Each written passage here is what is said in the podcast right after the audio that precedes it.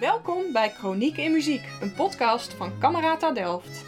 In deze podcast nemen we de luisteraar van nu mee naar de muziek van het verleden en brengen we de muziek uit het verleden naar de luisteraar van nu. Aan de hand van luistervoorbeelden, achtergrondverhalen en ervaringen zetten we de muziek van toen in historische context en brengen haar tot leven in het heden. De podcast wordt gemaakt door drie muzici van Camerata Delft Quirine van Hoek, Ricardo Rodriguez. en Lotte Beukman. Laat je inspireren en reis met ons mee door Chroniek in Muziek. Dag beste luisteraars, daar zijn we weer. En in deze aflevering gaan we praten over het beroep van muzikus. Hoe zag dat eruit toen in de 17e eeuw? En wat zijn de verschillen en overeenkomsten met de muzikus van nu? En dat is natuurlijk in beide gevallen niet heel makkelijk te zeggen, omdat er heel veel individuele verschillen zijn tussen muzici. En daarom dachten we, we nemen gewoon als voorbeeld een muzikus waarmee wij ons misschien verwant voelen en vergelijken dat, dus zijn leven, met dat van ons als beroepsmuzici. En eh, we hebben gekozen voor de Fransman Marin Marais. Die leefde van 1656 tot 1728. En uiteraard is die keuze helemaal niet toevallig, want Marin was een van de bekendste viola da gamba spelers uit het verleden. En hij heeft ook de meeste muziek voor het instrument geschreven. En wij, Ricardo en Lotte, die samen deze podcast opnemen, spelen ook allebei viola da gamba. En de viola da gamba is natuurlijk een eh, vrij ongebruikelijk instrument. Ehm, tegenwoordig best onbekend, bijna exotisch. In tegenstelling tot toen in de tijd van Marais Marais. Misschien wil jij, Ricardo, daar iets over vertellen. Over de status van het instrument toen en misschien ook nu. De viola da gamba was heel populair in Frankrijk. Dat kwam omdat de virtuosen van de viola da gamba waren meestal Franse instrumentalisten. Het is het perfecte instrument voor de intimiteit of kleinere kamers of een instrument voor kamermuziek. Zelf de spelers van toen gingen concerten organiseren bij hun thuis, zoals de bekende gambist en leraar van Marais Marais, Saint-Colombe. Hij ging concerten geven bij hem thuis, concert chez lui. Aan het Franse Hof was de viola gamba ook heel geliefd en iedereen wilde gamba spelen, omdat het was bij de koning ook een heel sterk geliefde instrument. Het was het favoriete instrument van de adel. Oké, dus het was niet per se een volksinstrument, maar echt meer eh, verheven. Het was ook eh, de, het instrument die, die heel vaak gebruikt was eh, voor de begeleiding van andere instrumenten.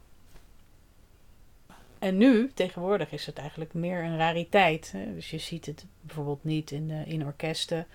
Eh, je ziet het niet heel veel in de concertzaal, eh, wel bij de oude muziek.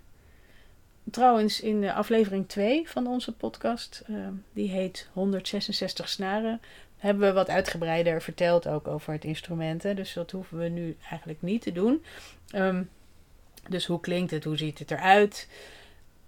Laten we naar, naar Marais Marais gaan. Ehm, wat was het voor iemand? Marais was een meester van de viola da gamba. Hij was een Franse componist, in Parijs geboren en gestorven, als zoon van een schoenmaker. Hij speelde in het orkest van de Franse opera, waar hij vermoedelijk eh, in aanraking kwam met Lully, Jean-Baptiste Lully, de grootste componist van de, aan het hoofd van Lodewijk XIV. Dus een hoofdmuzikus. En daardoor kwam Marais ook aan het hoofd terecht. En eh, kun je iets vertellen over zijn manier van spelen? Hoe, hoe werd hij gewaardeerd als speler? Eh, Het verhaal van Marais is dat hij speelde als een engel, in tegenstelling tot zijn concurrent, de virtuoos Antoine Forqueray, de duivel. Ik vind dat de expressiviteit van Marais is meer te horen bij zijn instrumentale muziek. Veel van zijn werken hebben bijzondere namen, zoals Le Labyrinthe, het Doolhof, of Le Badinage, het spelletje. En nog heel bijzonder is dat hij heeft een compositie die beschrijft met muziek een operatie van de galblaas. Oh ja, is dat dat stuk waar hij dan op een gegeven moment heel hoog en nog hoger en nog hoger en nog eiler gaat? Inderdaad, in het moment als de toeschouwer het, de stem verliest. Mhm. Heel spannend stuk, inderdaad. En in die tijd, toen begon een soort onafhankelijkheid van de muziek. En dat wil ik zeggen dat het is niet meer afhankelijk van de dans of van een woord of van de religie. Mhm. Maar het wordt dan pure muziek. En dat wil zeggen geen echte eh, vorm of boodschap. Gewoon de, de, de compositie die alleen maar tonen. eh, Mhm. Dus eigenlijk gaat het al richting de klassieke periode, eh, de manier waarop hij componeerde. Ja. ja. Oh, misschien is het eh, nu tijd om even te gaan luisteren naar een stukje muziek van Marais Marais. Twee composities, gespeeld door ons, Ricardo en Lotte. De stukjes zijn Prelude en La Follette. En het komt uit een live opname van een concert dat wij speelden in juni 2022.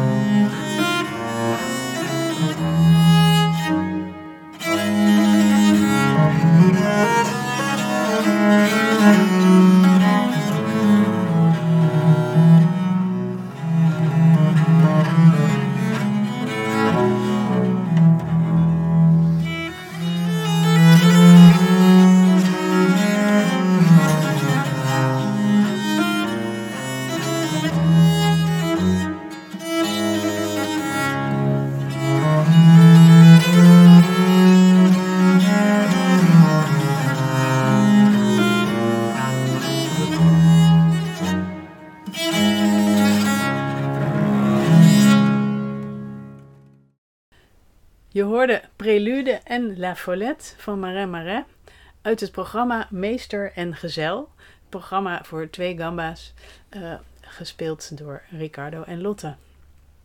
En in deze aflevering praten we dus over ehm, de verschillen van het leven van een muzikus toen en nu. En laten we maar meteen beginnen met het allergrootste verschil. Wat is het allergrootste verschil tussen toen en nu? Ik denk internet. Ja, ik weet het wel zeker. Eh, internet, maar ook gewoon sowieso de opnametechniek. Wat nog wat ouder Ja, ik denk misschien in- inderdaad, misschien de opnametechniek is eh, ouder. Maar tegenwoordig ook zelf de, mm, die techniek is, eh, zeg maar, bestaat wel, maar internet heeft eh, denk ik meer een grote impact in eh, ons leven als muzikus. Ja, want door internet hebben we eigenlijk toegang tot alles. Tot alles inclusief de opnames. Inclusief de opnames en eh, alle... En de, en de, en de bronnen ook, eh, ook nakijken. Mhm. Ja, dus daar bedoel je mee de, de originele eh partituren als je het vergelijkt met iets wat gedrukt is. Inderdaad. je- En ja. ook de, de, de moderne uitgave van deze muziek ook. Dus Mhm. het is inderdaad, internet biedt heel, heeft een groot aanbod. Ja, en eh, het is eigenlijk ook makkelijker, vind ik, om muziek in te studeren als je voorbeelden kan beluisteren van eh, hoe anderen het doen. Dus dat je het niet puur vanuit alleen de, de bladmuziek hoeft te, te leren, maar ook dat je kan horen hoe het dan eh, klinkt met de andere stemmen erbij, bijvoorbeeld. Ehm, maar het heeft zeker ook nadelen. Voor mij is bijvoorbeeld een, een groot nadeel dat, eh, van, dat er zoveel opnames zijn, eh, is dat de prestatiedruk echt heel hoog is. Ehm, mensen hebben allemaal CD's in huis en eh, ehm, ja, ze hebben dus een soort van de perfecte opname het- het idee in hun hoofd. van de allerbeste topmuzici die ook nog tijdens de opname geknipt en geplakt hebben. Dus ja, het is eigenlijk niet te vergelijken met als je dan live speelt. Terwijl je wel het idee hebt, het wordt van je verwacht dat het net zo mooi klinkt als de cd van een eh, Jordi Chaval of een Yo-Yo Ma of zo. En dat, eh, ja, dat geeft wel een eh, grote prestatiedruk waar het dan soms moeilijk is om van los te komen. Maar ook wel de, de uitdaging van de muzikus van nu, denk ik. Weet jij nog meer nadelen? Voor mij is misschien de, de aantal keuzes die je kan maken. En eh, uiteraard, alles is, is goed.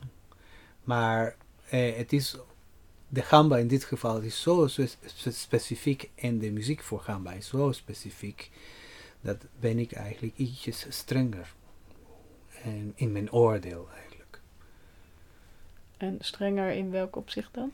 In de uitvoering, want Marais, straks gaan we nog meer vertellen, Marais was heel specifiek met zijn instructies hoe jij de gamba moet spelen. Mhm. Er zijn zoveel interpretaties tegenwoordig dat, eh, dat ik vind het moeilijk om een, een goede keuze te kunnen maken. Mhm. En eh nou ja, Marais had natuurlijk niet al die voorbeelden.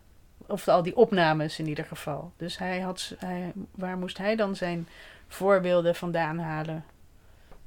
Dat is een voorbeeld zeker van de meesters. En van, eh, misschien van eh, de, zijn collega's. Maar zeker de, de mensen die konden goed spelen. In dit geval de zogenoemde meesters. Maar dan alleen de meesters die in de buurt waren. En dat is zeker zo, ja natuurlijk. Ja. Dus ehm, Maar in dit Nou, geval... Minder keuzestress, denk ik. In dit geval is heel toevallig dat eigenlijk de gamba zo populair in Frankrijk was. En dan mm, misschien voor Marais was ook geen probleem, want het land waar de gamba het meest succes had, was denk ik in die tijd Frankrijk. Mhm. Dus daarom voor Marais was, mm, ja, Hij zat in de goede omgeving. ik denk het. En hij speelde eh, ook een instrument die, die, die, die dus gewoon voor zijn tijd was. Mhm. Ik denk trouwens dat de, de rol en de status van een muzikus wel erg veranderd is in de loop van de tijd. Eh, destijds was de muzikus meer gewoon een deel van de samenleving. Of muziek was ook meer een deel van de samenleving, denk ik.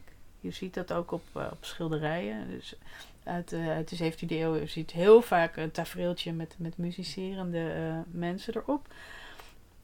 Was destijds denk ik meer een essentieel beroep. Muziek werd echt gezien als iets wat bij het leven hoort. Dus een, een, een ambacht met maatschappelijke relevantie en niet per se als kunst. Eh, hoewel dat in de tijd van Marais dit gezichtspunt een beetje begon te veranderen. Ehm, kun je daar iets over vertellen? Ja, het is eerst opdat de, de tijd van Marais de muzici waren ook componisten. Dus Marais ging zijn eigen stukken spelen voor het publiek. En het is vergelijkbaar met sommige rockstars. Die, die gaan eh, eigen muziek in- zingen en spelen. En niet de muziek van andere muzici of andere zangers. En dat denk ik, dat is een, een, een, een groot verschil voor, voor- als je met ons vergelijkt. Want we spelen meestal muziek van, van oude meesters of componisten die, die hebben twintig jaar geleden geleefd. En, en toen hij speelde mm, hooguit muziek van zijn meester Saint-Colombe. Maar het repertoire waren alleen maar stukjes van, van, zijn, eigen, van zijn eigen creativiteit. Mhm. Ehm, dus eigenlijk eh, werd, het, werd de, de artiest eigenlijk wat belangrijker in zijn tijd. Dus niet per se de, de maatschappelijke relevantie, maar eh, ook de mens eh, achter de artiest. Ja, ik heb begrepen dat dus in de tijd van Marais, wat je zei, de artiest begon te, te verschijnen. Was Mhm. eigenlijk de, de, de tendens. En niet meer inderdaad een muzikus die alleen maar eh, tijdens het wakker worden van de koning eh, moest spelen. Mhm. Ja, daar kunnen we het straks nog even over hebben. Ehm, eigenlijk dit, dat, het werd tot ver in de 19e eeuw steeds verder gecultiveerd. Hè, dat, dat de artiest echt steeds belangrijker werd. Ehm, en tegenwoordig wordt, wordt het musiceren meer als een hobby of als een luxe gezien dan als een noodzakelijk ambacht. En voor heel veel dingen waar vroeger live muziek bij nodig was, dus zei het net al, om de koning in slaap te krijgen bijvoorbeeld, worden nu gewoon opnames gebruikt. Ehm, dus destijds was het meer een ambacht, maar het ging eigenlijk niet altijd automatisch ook weer van vader op zoon. Hè. Bij Bach bijvoorbeeld wel. Bach eh, kwam, zoals we weten, uit een, uit een grote muzikale familie. En al zijn voorvaderen waren ook allemaal muzikus en zijn zoons ook weer. Ehm, maar bijvoorbeeld bij eh, Telemann weten we dat eh, de, hem echt afgeraden was om eh, de muziek in te gaan. En dat ze beter kon die een universitaire graad behalen. Dat was bij Hendel was het bijvoorbeeld ook zo. En je zei net, de vader van Marais Marais was schoenmaker. Ehm, denk je dat het hem werd afgeraden om de muziek in te gaan? Of was het juist een, een mogelijkheid om zich verder te ontplooien? Zeker, zeker, zeker om, om, om omhoog te gaan in de sociale schaal. Het is een andere tijd en zeker muzikus worden wat misschien een hogere status dan schoenmaker. Mhm. Dus in die zin was misschien wel eh, wordt wel aangeraden om muzikus te worden. Om eh, een, een, een, betere, een betere leven te kunnen hebben. Een beter leven te kunnen hebben. Ja, zeker als er kans was om aan het hof te komen. Sowieso. eh, zoals bij Marin. Ja, en eh, was het trouwens bij jou? Kom jij uit een familie van muzici? Of? Nee, ik kom niet uit een muzikale familie, maar mijn grootmoeder was pianiste. Oh, toch wel. Dus. Toch wel, ja. En eh, ze heeft dus voor mij Bach, Scarlatti, Beethoven gespeeld. Dus ik ben wel jong in aanraking met de muziek gekomen. En misschien had ik van mijn ouders de wens om ook naar de universiteit te gaan. Maar de muziek was sterker. Mhm. En het is wel ook gesteund door mijn ouders, Mhm. maar eh, niet, eh, niet heel enthousiast.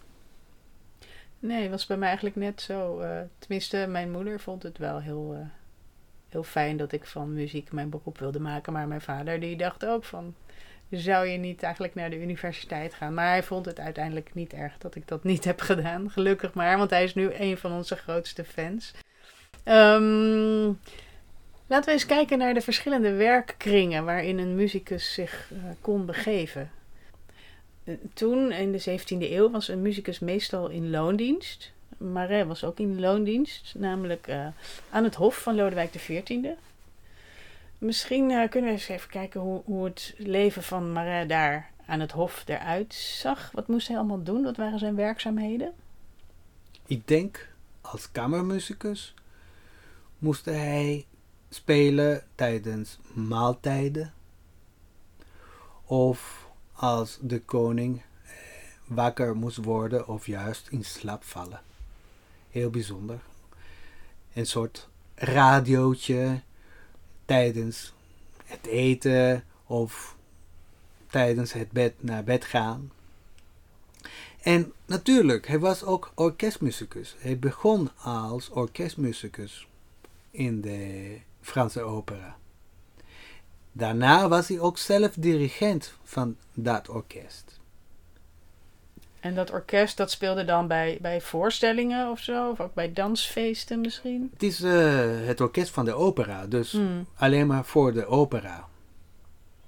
Ja, want er, er was natuurlijk heel veel dansmuziek ook, toch? De koning was beroemd om uh, Lodewijk XIV. Ja, maar in die tijd de dansen waren meer eh, een deel van het geheel, in dit geval opera. Hmm. Dus balletten als zodanig waren er nog steeds niet.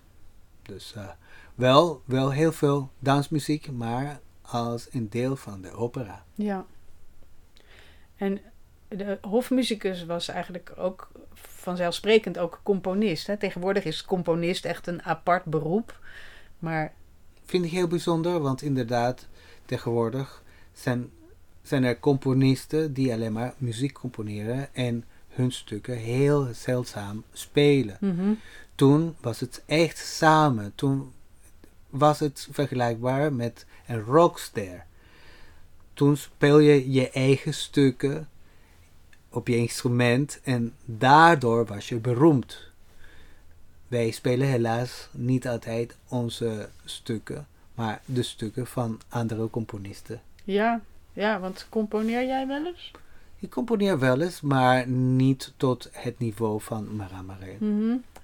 Niet dat je je eigen co- composities op concerten speelt. Ik heb wel composities van mezelf gespeeld, maar Hmm. ze zijn meestal improvisaties. Ja, ja. Ja, dat is weer een ander, eh, andere tak van sport, inderdaad. Wat ze toen ook natuurlijk heel veel deden. Ehm, wij zijn eh, zelf eigenlijk niet in loondienst. Eh, ik denk eh, de, de tegenwoordige muzikus is vooral in loondienst bij eh, bijvoorbeeld het symfonieorkest.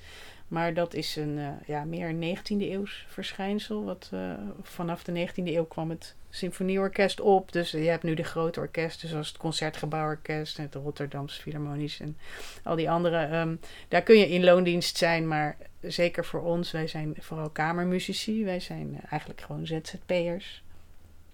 En volgens mij is er tegenwoordig geen enkel hof meer waar muzici in dienst zijn. Wat denk jij? Ik denk je niet. Ja, en andere muzici waren misschien werkzaam in de kerk. Daar uh, is altijd live muziek bij alle gelegenheden. Dus vieringen en in de diensten. Dat is eigenlijk nog steeds zo. Um, toen had je zeg maar de kapelmeester. Die was zowel koordirigent als organist. Um, tegenwoordig heb je nog wel organisten in de kerk die dan in loondienst zijn.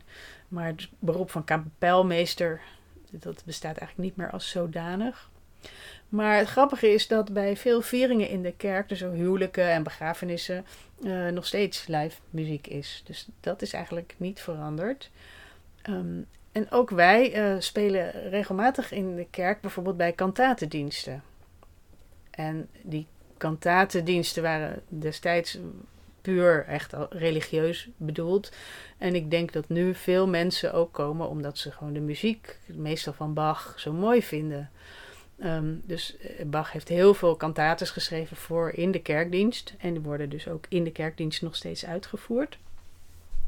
Uh, toen was het meer gelegenheidsmuziek. En nu wordt het denk ik meer als kunst met een hoofdletter K beschouwd. En het was ook zo dat natuurlijk toen die kantates werden geschreven en meteen uitgevoerd. Dus de inkt was nog nat. En nu spelen we in de kantatendiensten meestal muziek van 250 of 300 jaar oud. Uh, het is wel echt super fijn om te doen. Wij doen het als, uh, als Collegium Delft doen wij het eigenlijk regelmatig.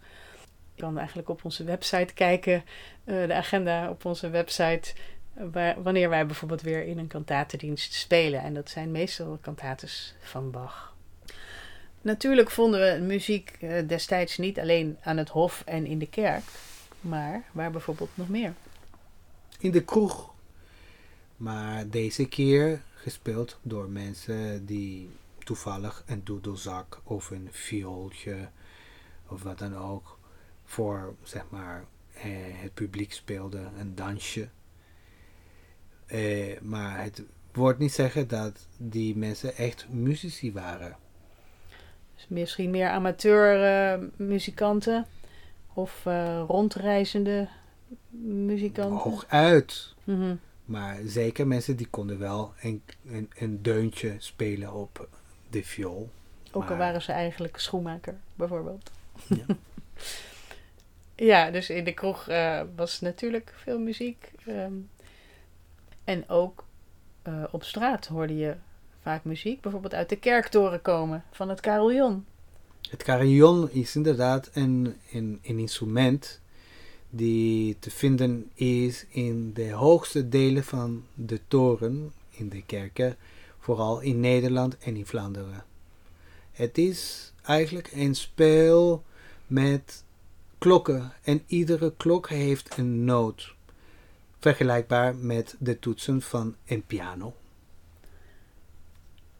En had het nog een speciale functie, dat, uh, dat carillon? Werd er bijvoorbeeld op gespeeld om, om de bevolking te waarschuwen voor iets? Of? Het werd en het wordt nog steeds iedere uur gespeeld. Of de, de, de momenten van het uur gespeeld.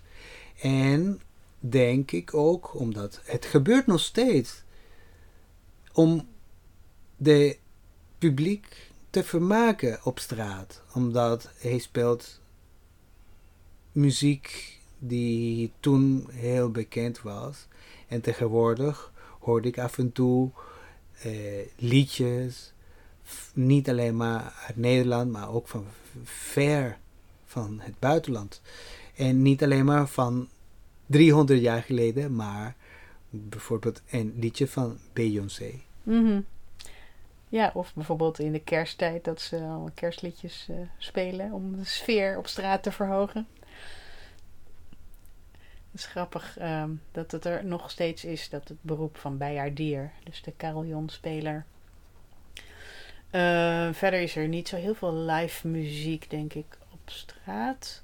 Speel jij wel eens op straat of in de kroeg? Ik heb nog niet in de kroeg gespeeld, alleen maar in een video. Oh ja, Welke video zou dat zijn? uh, ik heb wel veel achtergrondmuziek gespeeld trouwens. Als, toen ik student was. Um, niet per se in de kroeg, maar wel ook bij diners en zo. Wat had je nog meer voor een soort beroep? Ja, een docent natuurlijk. Heb je nog steeds, maar hoe, hoe was de, wat was de muziekdocent toen? En nog steeds was het grootste voorbeeld voor wat, wat jij wilde zijn met jouw instrument. In het geval van Marais was Saint-Colombe zijn leraar. Ja. En de muzici van nu zijn meestal ook werkzaam als docent, als muziekdocent. Dat was toen, denk ik, ook zo? Of was het een heel apart beroep, docent? Ik denk iedereen was ook docent. Omdat Iedereen, je bedoelt alle iedereen, muzici. alle muzici waren Mhm. docenten. Want het was ook eh, de manier om, om inderdaad mm, mm, nog zich bezig te houden. En Geef jij veel les? Ik geef niet heel veel les tegenwoordig. En ik vind ook lesgeven heel fijn, omdat ik heb van het lesgeven ook heel veel geleerd. Mhm. Ja, dat geldt voor mij eigenlijk ook. Ehm, het hoort er ook, vind ik, een, beetje bij. Als je muzikus bent, dat je ook... Het is zo'n zo'n persoonlijk beroep dat je dat ook dan doorgeeft, zeg maar eigenlijk. Hè? Je eigen waarde daarin. Ehm, overigens, ik denk over het algemeen kun je wel zeggen dat de status van het beroep muzikus in de loop van de tijd een beetje veranderd is. Van ja, echt een beroep, ambacht, naar meer roeping. Destijds was het meer een dienstbaar beroep. Dus dan was je dienstbaar aan de vorst of aan de kerk of aan het volk. En nu voelen wij misschien ons als muzikus eerder dienstbaar aan de muziek, aan de muziek zelf.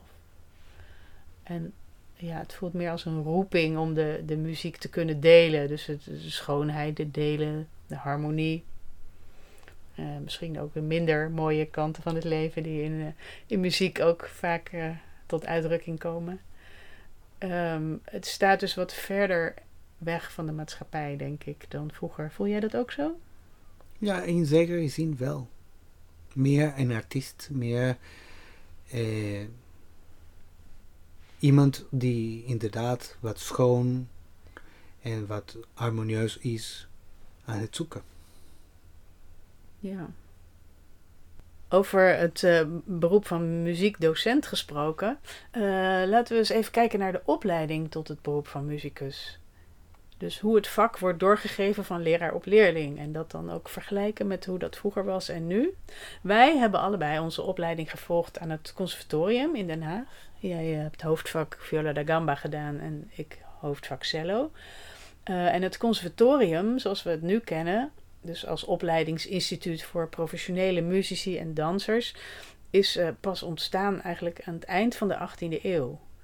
Dus waar we, dat, waar we het ook net over hadden, de status van de muzikus als artiest, ehm, ja, dat is eigenlijk gecultiveerd met de komst ook van het conservatorium.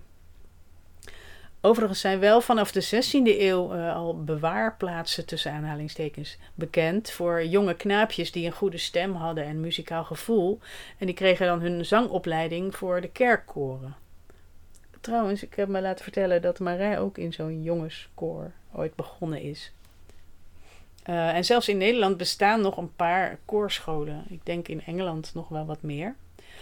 Eh, en vanaf die bewaarplaatsen, daar komt eigenlijk ook het woord conservatorium vandaan. Dus conserveren, dus eh, bewaren. Maar in de tijd van Marais bestond het conservatorium niet.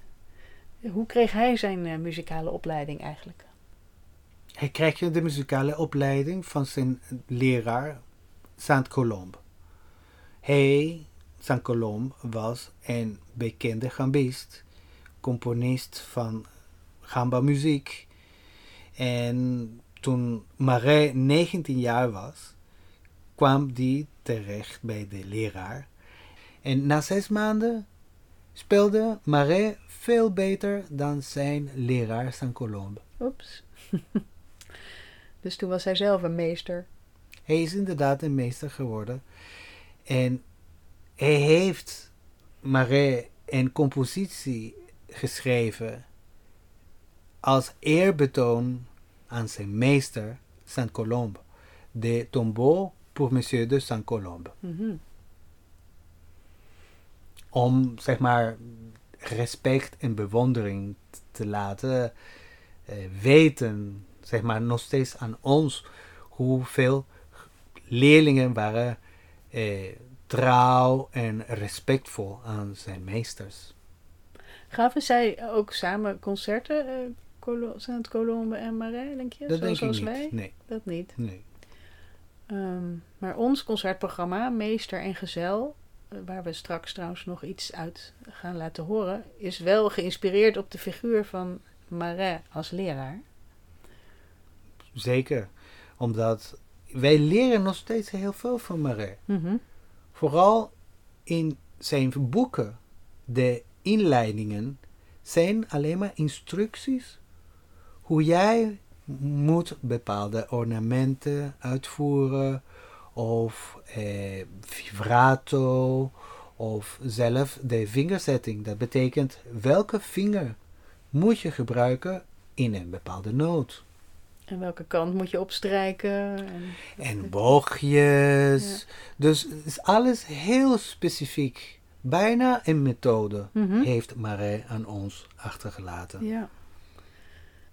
En, En ja, Hm? de, de, de gambisten die daarna kwamen, hebben dit ook overgenomen. Ik vind dat eh, echt een ontwikkeling in, de, in het lesgeven van een, een bepaald instrument. Maar daar hebben we nog steeds de leraars die, die, die schrijven hoe jij strijken moet. Niet alleen maar wanneer je zachter of harder moet spelen, maar hoe gaat met de bewegingen van de stok of vingerzetting in gamba is ook eh, heel belangrijk. Mhm. Ja, dus eh Marais is, eh, is een, een soort eeuwige, eeuwige leraar voor alle gambisten die na hem zijn gekomen. Had hij ook leerlingen toen? Ik denk heel veel leerlingen. Mhm. En in het bijzonder één die ook leerling van Saint-Colombe was. En dat is Louis Caix d'Hervelois. Mhm. Misschien ietsjes jonger dan Marais, maar toch naar Saint-Colombe gegaan. Blijkbaar genoeg van de oude meester gehad. En hij zocht Marais voor nieuwe ontwikkelingen en natuurlijk zijn spel te kunnen verbeteren. En de Hervelois was ook, eh, dus behalve gambist, was ook componist, toch? Hij was componist en in tegenstelling van Marais had meer een invloed van de Italiaanse stijl. Want Marais was echt vast toegewijd aan de Franse stijl. En hoe kun je dat horen bij, bij Hervelois, de, die verschillen? Nou, gelukkig in ons voorbeeld in de minuetten hoor je sommige minuetten major en daarna minor. En blijkbaar is dat een Italiaans kenmerk voor de stijl van toen. Mhm. En nog meer kenmerken? Of wat is dan typisch Frans en wat is typisch Italiaans? Nou, in de muziek hoor je heel veel ornamenten en dat is zeker typisch Frans. Mhm. We gaan inderdaad zo meteen eh, naar een stukje luisteren weer voor twee gamba's. En in die tijd was het eigenlijk mode hè, om te schrijven voor eh, dus duetten voor twee gelijke instrumenten bijvoorbeeld. Dus je hebt ook ja, duetten, veel duetten uit die tijd voor bijvoorbeeld twee violen of twee fluiten. Maar wat is er zo leuk aan twee gamba's? Ja, toen werd het beschreven dat de, het duo van Gamba was eigenlijk de perfecte combinatie, omdat hij liet de hoge en de lage geluiden echt gelijkwaardig kunnen waarderen. Mhm. Ja, want de gamba kan heel hoog en ook heel laag. In tegenstelling tot bijvoorbeeld de viool. Eh, laten we daar even naar gaan luisteren. Wat, wat muziek van eh, die Caix d'Hervelois. Een gigue encore de chasse, oftewel jachthoorn. En drie menuetten. En het komt uit het programma Meester en Gezel. Gespeeld door ons, Ricardo en Lotte. Eh dit is weer een live opname van het concert van juni 2022.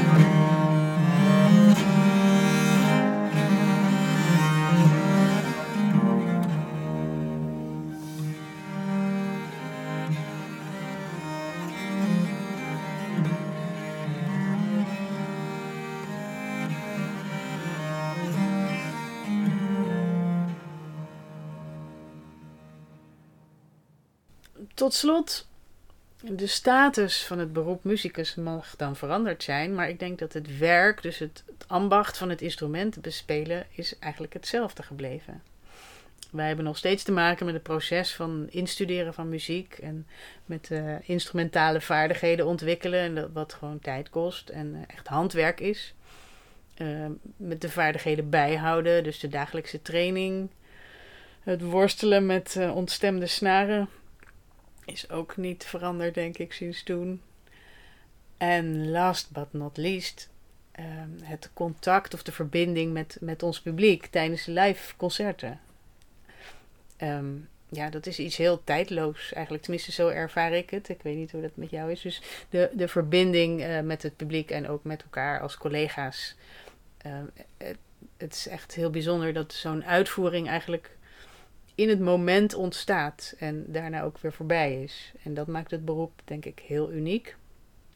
En ook heel bijzonder. En ja, eigenlijk tot een van de mooiste uh, beroepen die er bestaan. Kun jij je indenken dat je een ander beroep zou hebben? Nee, en vooral het moment dat jij net bes beschreef, is een moment inderdaad als je echt in, voor een publiek speelt, maar tegelijkertijd speel je muziek van iemand, misschien net zoals wij, maar die heeft 300 jaar geleden geleefd. En dat vind ik ook een wonderbaarlijke verbinding tussen het nu, het verleden en mezelf. Nou, dat lijkt me een prachtige afsluiting. Uh, ook weer met een bruggetje naar ons eeuwige thema van het verleden met de luisteraar van nu te verbinden. Dus ontzettend bedankt uh, ook weer voor vandaag. En uh, bedankt. jullie bedankt voor het luisteren en tot de volgende keer. Tot de volgende keer. Dankjewel voor het luisteren naar Chroniek in Muziek van Camerata Delft. Bekijk ook de videoserie Chroniek in Muziek op YouTube. Heb je vragen of wil je reageren? Stuur dan een e-mail naar podcast.cameratadelft.nl Vond je deze aflevering interessant? Deel hem dan met al je vrienden. Wil je geen aflevering missen? Abonneer je dan op deze podcast. Ben je enthousiast? Laat dan een review achter in de app waarmee je deze podcast beluistert. Wil je meer weten over Camerata Delft? Bezoek dan onze website www.cameratadelft.nl of volg ons op YouTube, Facebook of Instagram. Wil je ook op de hoogte blijven van onze activiteiten? Meld je dan aan voor onze nieuwsbrief. Tot gauw bij de volgende aflevering.